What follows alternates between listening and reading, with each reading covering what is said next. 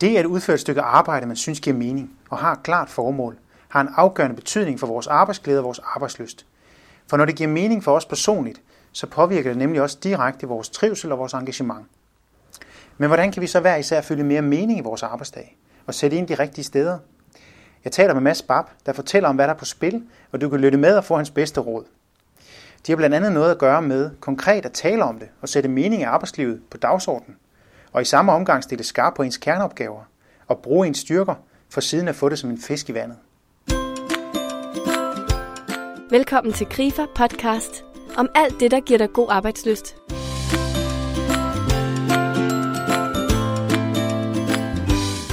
Mads Barb har gennem 10 år arbejdet med personlig udvikling og udvikler løbende værktøjer, der anvendes af virksomheder, skoler og konsulenter i Danmark og i udlandet. Han har en master i anvendt positiv psykologi og er stifter og direktør i virksomheden Gnist. Og så mener han, det er vigtigt at sætte mening på dagsordenen. Lyt med og hør nærmere. Vi offentliggør snart vores øh, nye store undersøgelse, som vi kalder God Arbejdsløsindeks 2015. Øh, som vi ikke skal så meget ind på nu, det røber vi ikke. Den kommer. ja. Men øh, for at foregribe det lidt, så viser den undersøgelse blandt andet, at meningsfuldt arbejde har en afgørende betydning i forhold til vores arbejdsglæde og vores arbejdsløst som mennesker og medarbejdere. Altså det er ikke nok for os, at det vi laver i det daglige, at det bare handler om at få smør på brødet, øh, have gode rammer, arbejdsforhold. Hvorfor tror du, at mening er så vigtig for os mennesker og for os danskere især? Jamen, øh, for det første er det jo rigtig interessant, synes jeg, at det er et tema, som, øh, som kommer på dagsordenen. Øh, fordi det er der høj grad øh, basis for. Jamen, når, jeg, jeg tror, når det, er, når det er noget, der optager os øh, mennesker, jamen, så er det jo selvfølgelig fordi, at det at have en meningsfyldt tilværelse er essentielt for vores øh, forståelse af det at leve et liv. Øh, om det så er et arbejdsliv eller et andet liv. Øh, det er, at, vi har, at det, vi laver, føles meningsfyldt. Det har altid været noget, der har optaget mennesker. Man kan så sige, at i et land som Danmark, hvor at de fleste mennesker har deres på det tørre, og hvor vi har en relativt høj grad af tryghed i vores arbejdsliv. Arbejdsmiljøet er sådan set ganske fint, og lønrammer er ganske okay. Så har vi sådan set de grundlæggende forhold på plads. Oven i det har der jo de seneste år også været et særligt fokus på at skabe mere bevidsthed om sig selv og sine tanker og sine prioriteringer. Og må ikke også, at de seneste par år i forhold til øh, krisetider også har gjort, at folk har vendt blikket lidt indad i forhold til valg og præferencer. Og alle de ting spiller ind i, at vi måske som mennesker begynder at stille lidt spørgsmålstegn ved, jamen den måde vi lever på, øh, den måde vi arbejder på, kan det gøres smartere? Kan det gøres bedre? Det handler måske ikke bare om at øh, få øh, flere fladskærme eller mere på lønchecken, men også faktisk at få en tilværelse, som hænger bedre sammen. Øh, og derfor tror jeg, at øh, sådan et øh, begreb som meningsfyldthed i øjeblikket især er noget, som er kan man sige, et hot topic. Hvad mener du så er det vigtigste, når vi taler om det med et meningsfuldt arbejde for os mennesker? Øhm, har det noget at gøre med de opgaver, vi laver, verden omkring os, eller hvad er det, der, der er i spil, tror du? For det første, så tror jeg, det er vigtigt at, at sige, at når man sidder på øh, det, hvor jeg sidder som, øh, som rådgiver og, og underviser inden for det her felt, at, øh, at jeg har jo ikke opskriften på, hvad der skaber et meningsfyldt arbejdsliv. Og, øh, og, øh, og forsøge at, kan man sige, at vise eller sige, at jeg har det, eller at man har det, hvis man øh, står et andet sted, det er meget, meget farligt. Mm. Øh, men jeg synes, uanset om man øh, har opskriften eller ej, så synes jeg jo, at øh, man har en forpligtelse, synes jeg, både som menneske, kollega og arbejdsplads, at bruge tid på at undersøge og skabe forhold, som styrker meningen. Mm. Og hvordan kan man så gøre det? Hvad er det for nogle ting, der spiller ind i det? Jamen, der er rigtig mange ting, når man kigger på det. Det er ikke én bestemt ting. Øh, der er jo ingen tvivl om, at øh, de fleste vil jo nok øh, sige, at det at gøre noget, som har betydning for andre mennesker, at man i øh, sit arbejde øh, kan man sige, på en eller anden måde skaber en forskel, der gør, at andre mennesker får det bedre, øh, jamen det vil jo opleves som, øh, som værende et meningsfyldt job. Øh, det er der nok ikke nogen tvivl om, at det er et tema, og derfor så også noget, der spiller ind. Altså, hvad er det for et resultat, vi bidrager med over, til, over for andre? Men der er også andre ting, der spiller ind, øh, som man kan sige har måske en karakter af at være noget, som vi mere bærer med os, uanset hvad vi laver. Øh, og der er jo en af de ting, det er jo, øh, jamen, skaber jeg resultater? Altså, er der, er, øh, sker der noget ved det arbejde, jeg laver? Rigtig mange mennesker oplever jo, at øh, vi sidder til møder dag ud, dag ind, og de her møder, de bidrager aldrig rigtig med noget værdi. Øh, så kan mange vil jo måske endda sige, at det var et meningsløst møde, øh, fordi hvad var det egentlig, vi sad der for? Så man kan sige, det er jo også et spørgsmål om, at vi bruger vores tid ordentligt. At vi føler, at det, jeg har investeret og lavet i, øh, i dag, det faktisk har skabt et eller andet. Ikke nødvendigvis i sådan en stor forstand, at jeg har reddet et liv, eller jeg har gjort verden til et bedre sted. Men simpelthen bare fordi, at det har, det har, det har gjort en forskel. Så den der sådan, resultatskabelse er jo også et vigtigt parameter. Et andet vigtigt parameter, det er også, at øh, for det kan vi se i, i undersøgelser, at, øh, at jeg kan have et job, som har den her meget ydre form for meningsfuldhed, altså jeg gør en kæmpe forskel for verden, men, øh, men jeg føler stadigvæk, at, øh, at mit job er rigtig, rigtig træls. Øhm, der er måske en, øh, en, en, en oplevelse af, at hverdagens rammer og strukturer ikke harmonerer med måden, jeg gerne vil arbejde på. Og uden at komme ind på, øh, på politiske forhold omkring konflikter, som er, har øh, baseret i det danske, i det danske øh, offentlige væsen inden for de sidste par år, så er der jo i hvert fald nok en del befolkningsgrupper, som føler, at selvom jeg gør et stort forskel for andre mennesker, så er den måde, jeg skulle gøre det på, ikke i overensstemmelse med mit personlige værdisæt, eller de ting, som giver mig mening. Og så betyder, så har vi også nogle indre forhold, som, som handler om, jamen er mit job i overensstemmelse med måden, jeg gerne vil have, at mit job skal fungere på. Og det betyder altså, at vi har altså den der ydre, meget, meget store form for mening at gøre en forskel. Vi har også følelsen af at gøre, gøre en, at det, jeg laver, skaber resultater. Og så også, at det stemmer overens med mine egne personlige værdier. Det er nogle af de parametre, som i høj grad spiller ind i oplevelsen af, at man har et meningsfuldt arbejde. Ja. Så man kan også godt opleve en, en spænding, mener du, mellem det, det ydre og det indre, altså hvad man personligt gerne vil, og det man laver, de meningsfulde opgaver og hverdagen, og så omgivelserne. Øhm, den spænding, hvordan kan man ja, nok ikke bare løse den sådan lige, men navigere i den, og så måske gøre noget, gøre noget selv for at gøre den spænding mindre? Øh, ja, i høj grad kan der være en spænding, og, øh, og jeg tror måske også, hvis man kigger på sådan på, øh, på initiativer og temaer, der har, der har ligesom øh, verseret i virksomheder de sidste par år, så har der nogle gange været sådan en tendens til, at vi, øh, vi skal fortælle historien om den forskel, vi gør ude i verden.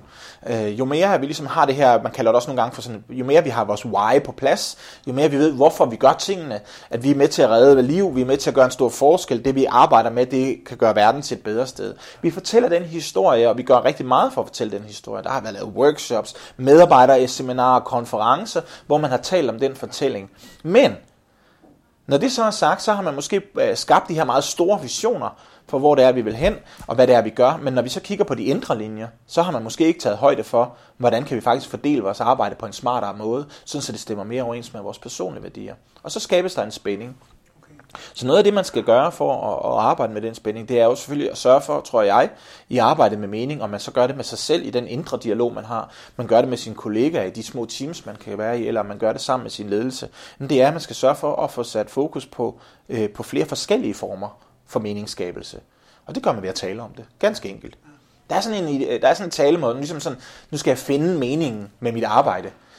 Og, og, og, og sprog er jo sådan lidt en sjov ting, men, men hvor ligger den henne? Hvor er den gemt henne, den her, den her mening, siden jeg skal finde den? Altså er der et skattekort, og så lige pludselig sådan x marks the spot, der kan jeg grave op, og så finder jeg meningen der. Oh, nu har jeg den, og så mister jeg den aldrig.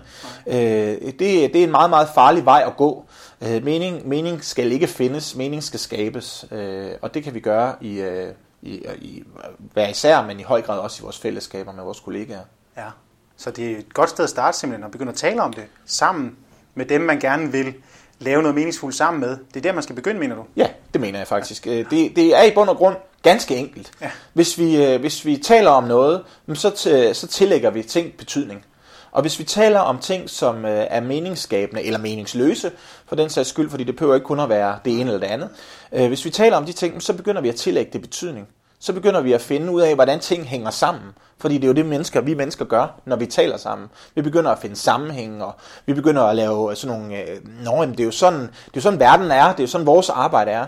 Og så begynder vi at finde ud af, at ja, hvis det er sådan, det hænger sammen, så er det jo nok også det, der betyder noget. Og på den måde, så kan samtale faktisk være en, øh, en stor, stor drivkraft. Der er, en, øh, der er en engelsk professor, der hedder Patricia Shaw, og hun har sådan et, et, øh, rigtig interessant øh, definition af ledelse.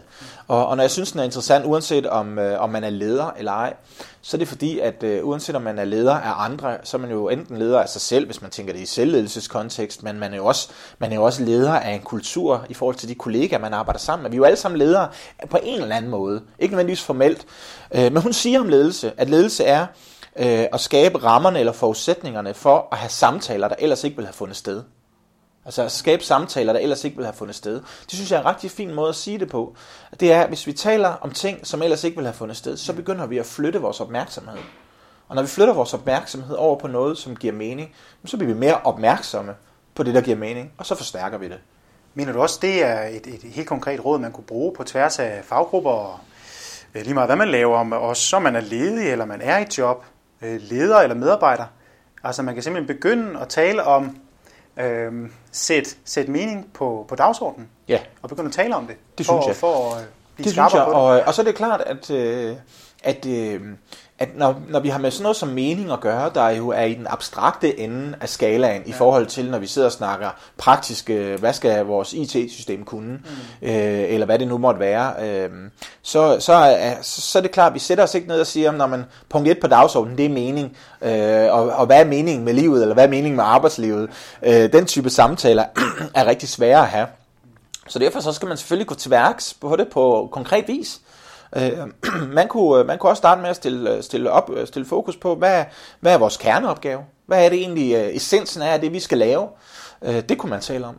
Øh, og der er masser af eksempler fra, fra virksomheder over hele verden, som, som begynder at tænke anderledes om at have den her type samtaler. At det ikke behøver at være samtaler forstået på den måde, at det er store seminarer og kæmpe medarbejder-workshops, og det, det bliver så eventbaseret. Mm. Men at det faktisk er samtaler, vi har i dagligdagen. Men vi lige tænker lidt over, hey, hey, kunne vi, kunne vi faktisk snakke om noget andet nu, som måske gjorde, at vi havde en samtale, ellers, ellers ikke ville have fundet sted. Øhm, og der er masser af idéer og input til, hvad man kan tale om, men for alt i verden, så skal det gøres konkret og nærværende og relevant for den hverdag, vi befinder os i. Okay. Ellers bliver det sådan nogle abstraktioner, ja. og det, det er ikke til at have med at gøre i længden. Godt. Så det handler om at sige, det jeg laver lige nu, om jeg så er øh, håndværker, lærer eller smed, øh, eller for den sags skyld arbejdssøgende, så handler det om, hvordan finder jeg ind til det, jeg vil, mening med det, jeg laver, både i dag og måske også på længere sigt. Ja. Øh, godt. Så er det et godt sted at begynde, simpelthen. Ja, det synes jeg, det synes jeg fordi hvis, vi, hvis man begynder at tale om den slags, jeg kan give et eksempel fra, fra en virksomhed, en organisation, jeg har arbejdet med, det er, det er drift ude i Herning Kommune, som virkelig på mange måder er en, en formidabel eksponent for, hvordan man kan arbejde målrettet med mening, uden at det bliver langhåret. Altså drift, det er Herning Kommunes vej og park, det består i høj grad af ufaglærte medarbejdere. Det er altså ikke en medarbejdergruppe, hvor man har abstrakte, langhårede samtaler om, hvad er meningen med arbejdslivet. Det er meget konkret og praktisk. Mm. Men der er et super godt eksempel derude. For det første har, har den her organisation tænkt meget i helheder. Det kan være, at vi lige kommer ind på det. Men helhedstanken, det er jo, at man ikke bare tænker i superoptimering. Fordi faktisk det, at tingene hænger sammen, giver også mening.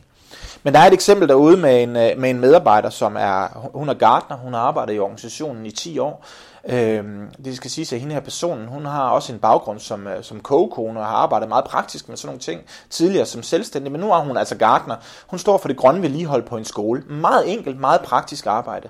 I en samtale med øh, viceinspektøren på den her skole, der kommer hun til at tale lidt om, at de faktisk mangler øh, en assistance til at stå for sådan nogle, øh, nogle, nogle praktiske opgaver om morgenen med at gøre mødelokaler klar og få noget kaffe på plads og lige sådan nogle, sådan nogle andre ting. Og så tænker hun, hey, det var sådan noget, jeg godt kunne gøre. Men det ligger jo uden for hendes normale jobbeskrivelse. Hun, altså, hun er jo til for at stå for de grønne arealer. Men hun, hun fanger budskabet, og, øh, og så kommer hun tilbage og, øh, og fortæller det til hendes, øh, hendes chef, som er en chef, som også er lydhør over for den slags, som faktisk indleder den type samtaler med sine medarbejdere. Og så begynder de at snakke sammen og finde, det kunne, det kunne da godt være, at det kunne lade sig gøre. Og faktisk i løbet af meget, meget kort tid, så får de indkaldt et møde, hvor at hende her medarbejder sidder sammen med hendes leder, med viceinspektøren og med skoleinspektøren, og så får de talt sig til rette om, hvordan kunne man lave en ordning, hvor at øh, hun det meste af tiden gør det, hun plejer at gøre, altså løser de grønne opgaver, men samtidig også øh, på en eller anden måde hjælper til med de andre ting. Det får de lavet en ordning om, og, øh, og hun er lige startet på opgaven øh, i dag, for at prøve at finde frem til, jamen, øh, hvordan, kan man, hvordan kan man gribe sit arbejde an anderledes. Og når jeg nævner det her eksempel for, hvordan det er et meningsfyldt, øh, meningsskabende initiativ, så er det jo fordi, her har vi med en person at gøre, som øh, udfører et fantastisk stykke arbejde. Men hun får indledt den her samtale om, hey, kunne vi ikke gribe vores arbejde an lidt anderledes, så det i højere grad matcher, hvad det er, jeg er rigtig dygtig til, hvad det er, jeg godt kan lide at lave. Så frem for at tænke de der meget rigide kasser, som meget oftest er resultatet af for eksempel for stram og rigid målstyring, hvor vi ikke kan afvige fra normer, jamen så misser man måske også en mulighed for at sige, hey, hende her kunne vi faktisk udfolde hendes potentiale. Og det er så til gavn for både øh, organisationen, drift, for skolen, hvor hun skal lave det på, og ikke mindst også for hende som person. Og det synes jeg er et meget praktisk initiativ, mm. men det får man ikke, hvis man ikke er åben over for det. Nej, godt. Det vil sige også være åben over for, hvordan, hvor den enkelte person starter. Vi starter forskellige steder, så mening hænger sammen med at finde ud af, hvad er jeg god til? Hvordan kan jeg bidrage med de, de styrker, jeg har? Er det rigtigt? Ja, Okay. Det er det. Og det er derfor, at øh, man kan sige, i, i det her samspil, i den her, i den her tilgang her, så, så skal vi sørge for, at øh, både det fokus, der handler om, at vi som individer bliver nødt til at have en form for, øh, for afklarethed omkring, hvad er det, jeg er god til? Hvad er det, jeg godt kan lide at gøre? Øh, men at vi samtidig også har øh, fællesskabsdialogen. Det er ikke enten eller. Ideen om, at vi øh, som individer jo bare skal tage eget ansvar for vores egen arbejdsløst, eller for vores egen meningsskabelse, og, og det er kun mit ansvar, det synes jeg er en fejlagtig konklusion på det. Det er meget ensidigt, øh, fordi at øh, jeg kan jo, øh, hende her for eksempel, hvis hun ikke havde haft en chef, der var lydhør, eller at skoleinspektøren havde været afvisende over for det, ja, så kunne hun da godt have siddet og tænkt, ej, det gad jeg godt, og tænkt sig hvis nu, og så videre. Men det vil jo ikke ændre noget, hvis konteksten omkring hende ikke møder det. Derfor er det rigtig vigtigt, at man både får taget individuelt ansvar, og det vil sige, det har man som medarbejder, synes jeg, en forpligtelse til at gøre.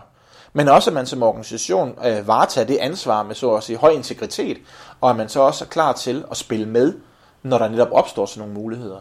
Ja. Øh, det er rigtig, rigtig vigtigt. Godt. Er det så også en vej til mere arbejdsglæde, ganske enkelt, i hverdagen? Ja, det synes jeg. Øh, nu er arbejdsglæde sådan et specielt, øh, lidt et specielt begreb, fordi glæde er for mig at se en, øh, sådan en, en, en umiddelbart øjebliksfornemmelse af, mm. er jeg glad for det, jeg gør? Har jeg den der glædesfølelse? Øh, hvor jeg synes, at, øh, at når vi snakker om mening, jamen så, så nuancerer vi det en lille smule. Øh, fordi vi kan jo ikke... Det ville da være dejligt, hvis vores arbejdsliv var fyldt med, med dage, mm. fyldt med glæde hele tiden. Men virkeligheden er jo sådan, at det er den ikke. Når man, øh, når man møder en hverdag eller en problemstilling, der er svær at knække, og man er frustreret, og man slås med opgaven, øh, og det gør vi mennesker jo hver eneste dag på vores job, fordi det er jo en del af det at arbejde, det er jo at skabe en eller anden form for løsning på en problemstilling. Jamen det er jo ikke altid, det føles rart. Det er jo ikke altid, det er forbundet med glæde, men det kan jo være bundet med høj meningsfyldthed. Og i virkeligheden, så synes jeg, det er langt mere interessant at tale om, fordi så kommer vi også lidt ud over sådan nogle måske lidt unuanceret sådan ja-nej-hats diskussion, eller om vi er glade eller sure, og det er vigtigt, at vi altid er glade. Jamen for pokker, hvis vi er slås med en problemstilling, så kan jeg jo ikke nødvendigvis være glad, så vil jeg have lov til at være frustreret. Men netop frustrationen, hvis den bliver taklet med robusthed, med en følelse af meningsfyldthed, så kan det faktisk være rigtig godt. Problemet er jo, at hvis vi går til vores problemer med en følelse af meningsløshed, så begynder det at blive en negativ spiral.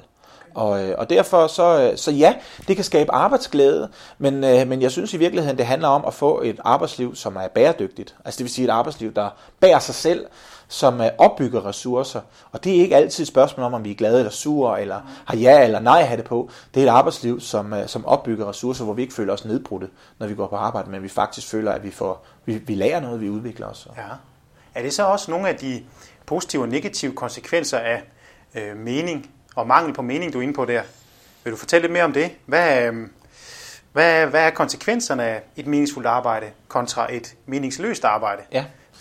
Øh. Øh, jamen, øh, jeg synes, at... Øh, altså, der er, der, man sige, der er jo sådan to sider af den konsekvens-effekt-dialog. Den ene del, det er jo selvfølgelig, hvad er konsekvensen af et meningsløst arbejde, og hvad er effekten af et positivt, altså et, me, positivt meningsfyldt arbejde. Jamen, altså, man kan sige, effekten af et meningsfyldt arbejde, den kan både være meget praktisk i, i form af, at vi får flere idéer. Altså vi får simpelthen flere idéer til at løse vores problemstillinger. Øh, der er lavet studier, der viser, at når vi for eksempel øh, øh, vejleder, taler sammen om, en, om ting, som giver mening, vores håb, vores drømme, vores idéer, vores eksempler, de ting, vi bringer i spil, jamen så, så ser vi simpelthen verden øh, med et bredere perspektiv. Og det vil sige, så får vi simpelthen øje på flere muligheder, vi kan handle indenfor. Og det betyder, at hvis vi står med en problemstilling, som rigtig mange virksomheder står med nu, hvordan skal vi udvikle os, hvordan skal vi levere nye ydelser, øh, eksemplet fra Herning Kommune til, hvordan kan vi drive velfærdsydelser an anderledes. Jamen hvis vi ikke får øje på nye handlingsmuligheder, jamen så løser vi ikke problemstillingerne. Så en effekt er mere meningsfyldt, det er, at vi får flere idéer. En anden effekt, det er, at vi samarbejder mere sammen. Det er, at der er simpelthen flere kombinationer af, af, af, af kryds på kryds og tværs. Vi deler mere viden, vi er mere åbne over for at, at spare med hinanden. Og i et land som Danmark, der er så vidensbaseret i måden, vi gør ting på, jamen der er meningsfyldthed i arbejdsoplevelsen, og det at dele viden, de hænger meget tæt sammen. Øh, og der kan man så sige, jamen hvad så det modsatte billede? Det er jo, hvis vi oplever, at tingene er mere meningsløse, så begynder vi at blive en lille smule mere protektionistiske omkring vores hverdag, fordi vi skal jo værne om os selv. Øh, og det betyder så, så holder vi måske vores øh, ting lidt tættere ind på kroppen. Vi vælger måske nogle løsninger, som er lidt mere øh, forudbestemte. Vi har prøvet dem før, fordi så ved vi til gengæld også, hvad de ender med. Så det bliver, det bliver, mindre, det bliver mindre risikofyldt. Og hvis man som leder gerne vil have en organisation, som er forudsigelig, jamen fint nok, så skal man jo bare arbejde med, med, med, med beslutninger, som ikke har ret meget risici, men så fornyer man og forenkler man og forbedrer man jo heller ikke ret mange ting. Øhm, så, så det er en af konsekvenserne, det er, at vi simpelthen lukker os lidt mere sammen øh, ind øh, i, i den måde, vi arbejder på. Ja. Simpelthen fordi vi ikke lige vi, vi har svært ved at finde mening, den personlige mening i det, vi laver. Ja, ja. Øhm, altså det har de konsekvenser, øh, som jeg er inde på, netop det der med, at vi, vi ser verden mindre nuanceret. Ja, okay. Vi øh, lægger mindre mærke til andre mennesker. Og når jeg siger, at jeg lægger mindre mærke til andre mennesker, så kan det jo både ses i en sådan en relationel forstand af, at vi har det godt sammen med andre, men det er jo også bare, at øh, hvis vi arbejder sammen, og, øh, og, og jeg oplever, at min øh, hverdag er meningsløs, så vil jeg have en, en, en tendens til at lukke mig selv øh, mere ind i mig selv, og så vil jeg jo ikke holde øje så meget med dig, hvad du kan, hvad du har brug for. Hvorimod, hvis jeg oplever, at mit arbejde er mere meningsfyldt, så vil jeg have øje for dine kompetencer, dine behov, og så vil vi sandsynligvis komme til at tale lidt mere sammen om, hvordan vi kan løse vores opgave sammen. Og så har vi lige pludselig, uden at det skal være en floskel eller sådan lidt banal, så har vi altså lige pludselig skabt en synergi mellem dig og mig. Og synergier, de følger oftere med mennesker, der oplever deres arbejde som meningsfyldt, end i tilfælde af det modsatte. Godt. Der er altså en masse positivt at høste af et meningsfuldt øh, arbejde og meningsfuldt samarbejde med, med kolleger i, og i afdelinger. Hvis man nu er, tænkt eksempel, i en situation i en afdeling, hvor man hvor, hvor hver medarbejder passer sit, fordi det måske, øh, den enkelte person har lidt svært ved at se den store mening med det, man laver, og man lukker måske lidt ned, man passer sit eget, sine egne opgaver, ikke måske fordi man synes, det er fantastisk øh, meningsfyldt eller spændende, men fordi det er nu engang det, jeg får min løn for. Hvordan kan man, øh, hvad kan man sige, hvordan kan man gå ind der i sådan en situation øh, og være øh, igangsætter? Hvordan kan man gøre det, mener du? Ja, øh, der, der, det, det kan man jo på flere forskellige vis. Forhåbentlig, altså lidt, det kommer meget ind på forudsætningerne. Man kan sige, hvis, øh, hvis det billede, du giver udtryk for øh, i, i eksemplet der, det er, er måske baseret på, at man har en ledelse, som jo på en eller anden måde har været med til at skabe den situation. Og så er det måske ikke der, svaret skal hentes, eller løsningen skal hentes, fordi der er jo en årsag til, at det ser ud, som det gør. Det har ledelsen jo ikke det ene ansvar for, men de har en stor del af ansvaret for det. Øh, så man kan sige, jamen hvis, hvis ledelsen er lydhør over for at få sat nogle andre typer dialoger på dagsordenen, eller for eksempel sådan et eksempel, som jeg nævnte før, fint, så gør det sammen med ledelsen. Men lad os nu bare antage, at det er det ikke, fordi det er jo der, hvor vi har måske en vanskeligere situation. Hvad gør man så, hvis man som medarbejder sidder i sådan en afdeling, som du giver udtryk for, mm. egentlig gerne vil sætte noget på dagsordenen, men man oplever ikke, at ledelsen er lydhør. Hvad, gør man, hvad kan man så gøre? Jamen, øh, øh uden igen at have sådan en, når det her er løsningen, så vil jeg sige, så handler det om igen at prøve at tænke på, hvad kan man få startet samtaler omkring? Det kan godt være, at man ikke kan indkalde hele afdelingen til et afdelingsmøde, hvor man så får talt om de her ting. Men måske man kan tale med sidemanden eller markeren. Måske man bare kan starte en lille samtale med en person, og sørge for, at den samtale på en eller anden måde holdes i gang. Det kan være, at man kan starte en, øh, en mere konstruktiv samtale om, hvordan kan vi løse vores opgave bedre sammen? Hvad er det for nogle ressourcer, vi har brug for for at løse vores opgave bedre? Hvad er det egentlig, essensen af det i vores kerneopgave? Og så prøv at tale sig mere ind i de ting. Måske bare to og to. Det behøver jo ikke altid at ske med hverken lederens samtykke eller lederens involvering. Og så kan det jo være, at hvis medarbejderne begynder at tale sammen om de her ting, som har den her øh, ressourceopbyggende form, at der er nogen, der får øje på det, og tænker, hey, her er der jo faktisk nogen, der gør noget anderledes, som faktisk viser sig at have en bedre effekt. Og så kan det faktisk være, at de bliver lidt mere lydhøre over for det. Men allerhelst vil jeg da have, at man som afdeling eller enhed, eller som hel virksomhed, satte det på dagsordenen i et samspil mellem ledere og medarbejdere. Så jeg er træt af den her, de her type diskussioner, at man ligesom sådan gør det til lederens ansvar, eller medarbejderens ansvar. Det, det er for pokker et delt ansvar. Og ansvar er jo noget, man tager, Øh, men hvis der er nogen, der ikke tager ansvar, så er der nogen andre, der må. Ellers bliver vi jo ved med at stå i sådan en negativ status quo. Og der er nogen, der skal tage ansvar. Givet lederne gjorde det, øh, men hvis de ikke gør det, så kan man også godt som medarbejder, synes jeg, begynde at tale, øh, tale sammen omkring ting.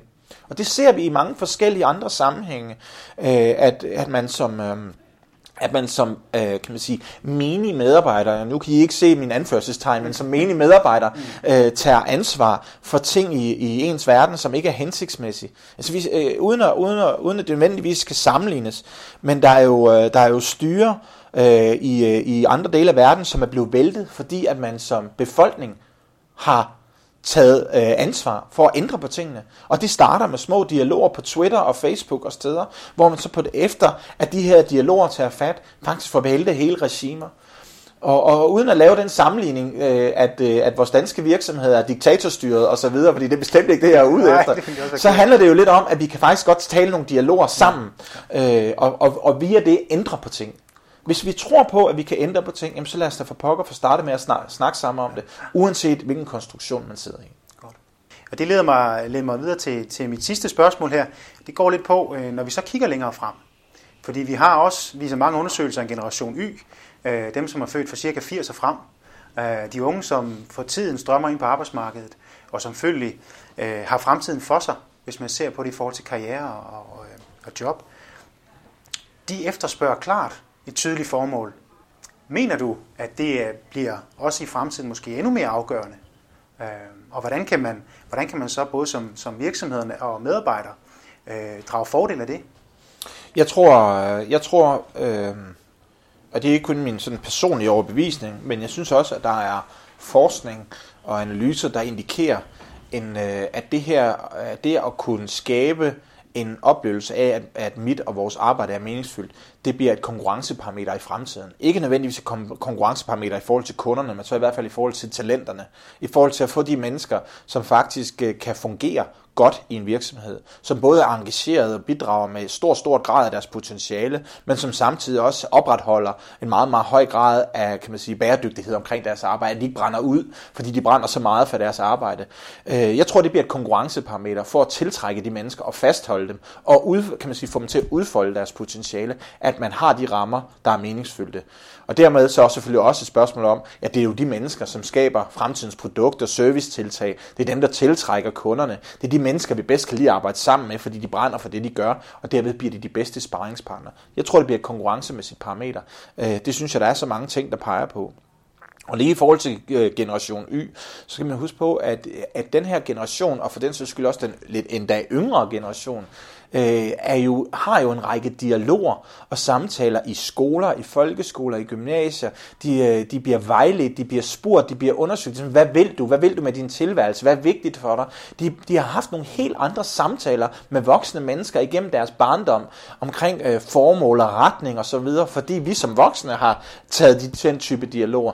Det er der langt flere unge mennesker, som forholder sig til, uden nødvendigvis at have et svar på det, men de forholder sig langt mere til det. Det vil sige, at de kommer også ind i virksomheden og stiller spørgsmål spørgsmål.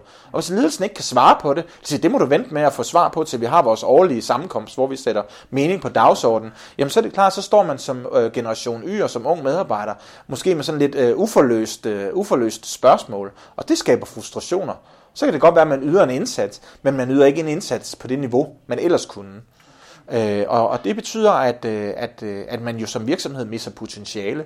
Så kan det godt være, at man får et forudsigeligt resultat, men hvad, hvad kunne det have været, hvis vi på en eller anden måde havde realiseret en større del af vores talenter? Der er en undersøgelse, der er lavet af, øh, der er beskrevet i bogen øh, øh, The S-Curve, der handler om, hvordan virksomheder, som, øh, som kan man sige, performer måske lidt vanskeligt i starten af en eller anden given periode, begynder så at, at, at high-performe, øh, men så på sigt får ligesom i, en S, i et S-kurve, sådan en S og flad ud i toppen. Øh, I virksomhederne, der hvor de begynder at gå godt, så ser man også, at øh, når det begynder at gå godt, så begynder man også at reducere fokus på talenter, arbejdet med organisationen og kulturen. Hvorfor egentlig det? Jamen det er jo fordi, nu går det jo godt, så skal vi holde fast i de resultater. Vi skal så at sige malke den her ko så meget som overhovedet muligt, og det betyder, at vi skal væk fra det, som udfolder talenter, som nogle gange er lidt uforudsigeligt, som nogle gange er samtaler. Og det kan man altså se i den her undersøgelse, og det betyder jo, at hvis man, hvis man gør det, men så kan det godt være, at man producerer resultater her og nu, men igen, på lidt længere sigt, så vil man opleve, at de, at de resultater fader ud, på et, man, man genererer resultater på et højt niveau, men væksten udbliver. Øh, måske fordi vi mangler at arbejde med kulturen, og kulturen et udtryk for, hvor vi kan skabe mening henne. Øh, og for den her unge generation, der tror jeg, det bliver afgørende at kunne være på arbejdspladser. Øh, og fordi de, øh, de har en, har man kan sige, en, en måde at kunne kunne navigere i deres tilværelse på, som øh, for mig, som er, er, er fyldt 40, øh, var på en anden måde. Der var verden en lille smule mere givet, end den er nu. Øh, så, øh, så er der så stor grad af fleksibilitet på godt og ondt, og det betyder, at de her mennesker kan jo vælge at vrage. Ikke nødvendigvis mellem hvilket job de vil have, men de kan i hvert fald vælge at vrage på en anden måde. Ja. Det er det tankesæt, de arbejder i. Ja. Hvis man ikke får, øh, får det øh, på sin arbejdsplads, så vælger man noget andet. Ja. Godt. Jamen lad det være mit sidste spørgsmål. Nu får vi ikke det fulde svar på, øh, hvordan man så også som generation X'er, som en moden, en moden person, så takler de her yder, der kommer med alle deres spørgsmål om mening. Men det kan vi jo lede tilbage i vores samtale, for jeg synes, du gav nogle af svarene i starten. Øh, også i forhold til, hvordan man sætter mening på dagsordenen, hvordan man har fokus på helheder, på det bæredygtige, på det lange sigt, frem for bare at tænke kortsigtet. Øh, hvis du nu til sidst skulle give dine tre bedste råd, hvordan kan jeg så gøre noget, tage de første skridt til at gøre mit arbejde mere meningsfuldt? Ja, jamen, øh, jamen jeg vil gerne øh, give et forsøg, øh, uden at det sådan skal være løsningen, mm. men i hvert fald, øh, det kunne være nogle emner eller oplæg til samarbejde, eller til, undskyld, til samtaler. Jamen, øh, det kunne være at stille fokus, øh, klart fokus på, hvad er egentlig vores kerneopgave? Og prøve at få skrællet så meget som muligt af, og komme ind til essensen. Det vil sige indlede en eller anden form for øh, en række dialoger om, hvad er vores kerneopgave i den her afdeling, som vi nu er ansat i. Ikke i den store forstand, men bare, hvad er vores kerneopgave? Hvad er det egentlig, vi er her for? Øh, det, er det, ene, det er det ene tema, få snakket om det. Øh, så synes jeg, at man øh, skal tale lidt mere om, hvor får jeg min styrke fra? Altså, hvor er det, jeg får følelsen, hvornår er det, jeg har følelsen af at have det som fisk i vandet? Hvad er det for nogle opgaver, som lader til ligesom at, at, at ramme nerven hos mig? Øh, hvis, man, øh, hvis man øh, finder frem til det, og det kan man gøre på mange måder. Øh, vi har jo også noget, jeg arbejder også med en række metoder til at gøre det, men, men helt konkrete til at prøve at få sat de, de øh, dialoger i spil. Og så synes jeg også, man, øh, man skal prøve at tale lidt mere omkring... Øh, være lidt mere ærlig i organisationer omkring forhindringer og personlige grænser. At øh, der, der er bestemt ikke noget forgjort eller noget farligt i at sige hertil og ikke længere. Øh, at man siger, det her, her vil jeg ikke være med. Og man kan tale åbent om det. Og man kan tale åbent om de forhindringer, man som medarbejder oplever. Altså der, hvor vi får skabt en kultur, hvor man ikke må sige sin ærlige mening, hvis ens ærlige mening er i modstrid med den anden opfattelse, fordi man så får skudt i, skoene, at man er nej-siger og negativitets, øh, man kan sige, man, er, man er, skaber dårlig energi. Ja, det kan godt være, og det er jo der, hvor at meningen konflikter med glæden. Vi, øh, vi, vi skal ikke være bange for det, fordi hvis vi tror på det langsigtede, så netop det at i tale sætte forhindringer, det kan også godt være medvirkende til det. Hvis vi vel og mærke også gør det samtidig med, at vi har de mere konstruktive, ressourceopbyggende samtaler. Men det at, det at kunne sige sin mening, det er vigtigt. Så, øh, så overordnet set stille skarpt på kerneopgaven. Sæt fokus på, hvornår man har det som fisk i vandet, og ikke mindst også tale om personlige grænser og de forhindringer, som, øh, som forhindrer os i at komme hen imod målet. Det synes jeg er de tre temaer, der er afgørende at sætte på dagsordenen i langt højere grad, end man gør i dag. Ja. Tak for det. Tak også til dig, fordi du lyttede med. Hvis du gerne vil høre mere, så husk, at vi kommer med en ny podcast hver eneste uge. Det kan du abonnere på, hvis du downloader en podcast-app til din smartphone. Vi går meget op i alt det, der er med til at præge dit arbejdsliv, og kan være med til at give dig god arbejdsløst og mod på mere. Udnyt endelig vores tilbud og arrangementer, som du kan se på krifa.dk-karriere. Tak for nu og på genhør.